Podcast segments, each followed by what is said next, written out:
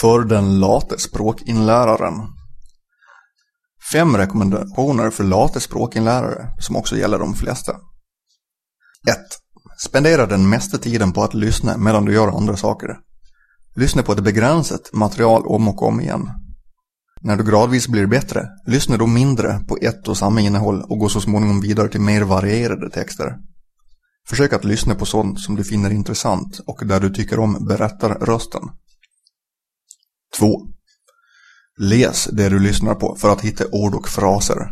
Gå igenom dem regelbundet, utan att känna ett krav på att lära dig dem med en gång. Försök bara att lägga märke till dem när du lyssnar och läser. 3. Skaffa den minsta grammatikbok du kan hitta som beskriver språket på ditt eget modersmål.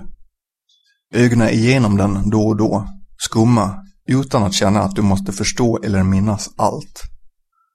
Tids nog faller bitarna på plats. 4. Tvinga dig aldrig att tala. Tala kan du göra när du känner för det och när du är redo att försöka tillämpa det du har lärt dig. När du är i sällskap med infödda talare kan du slappna av, tala lite grann och lyssna mycket. 5.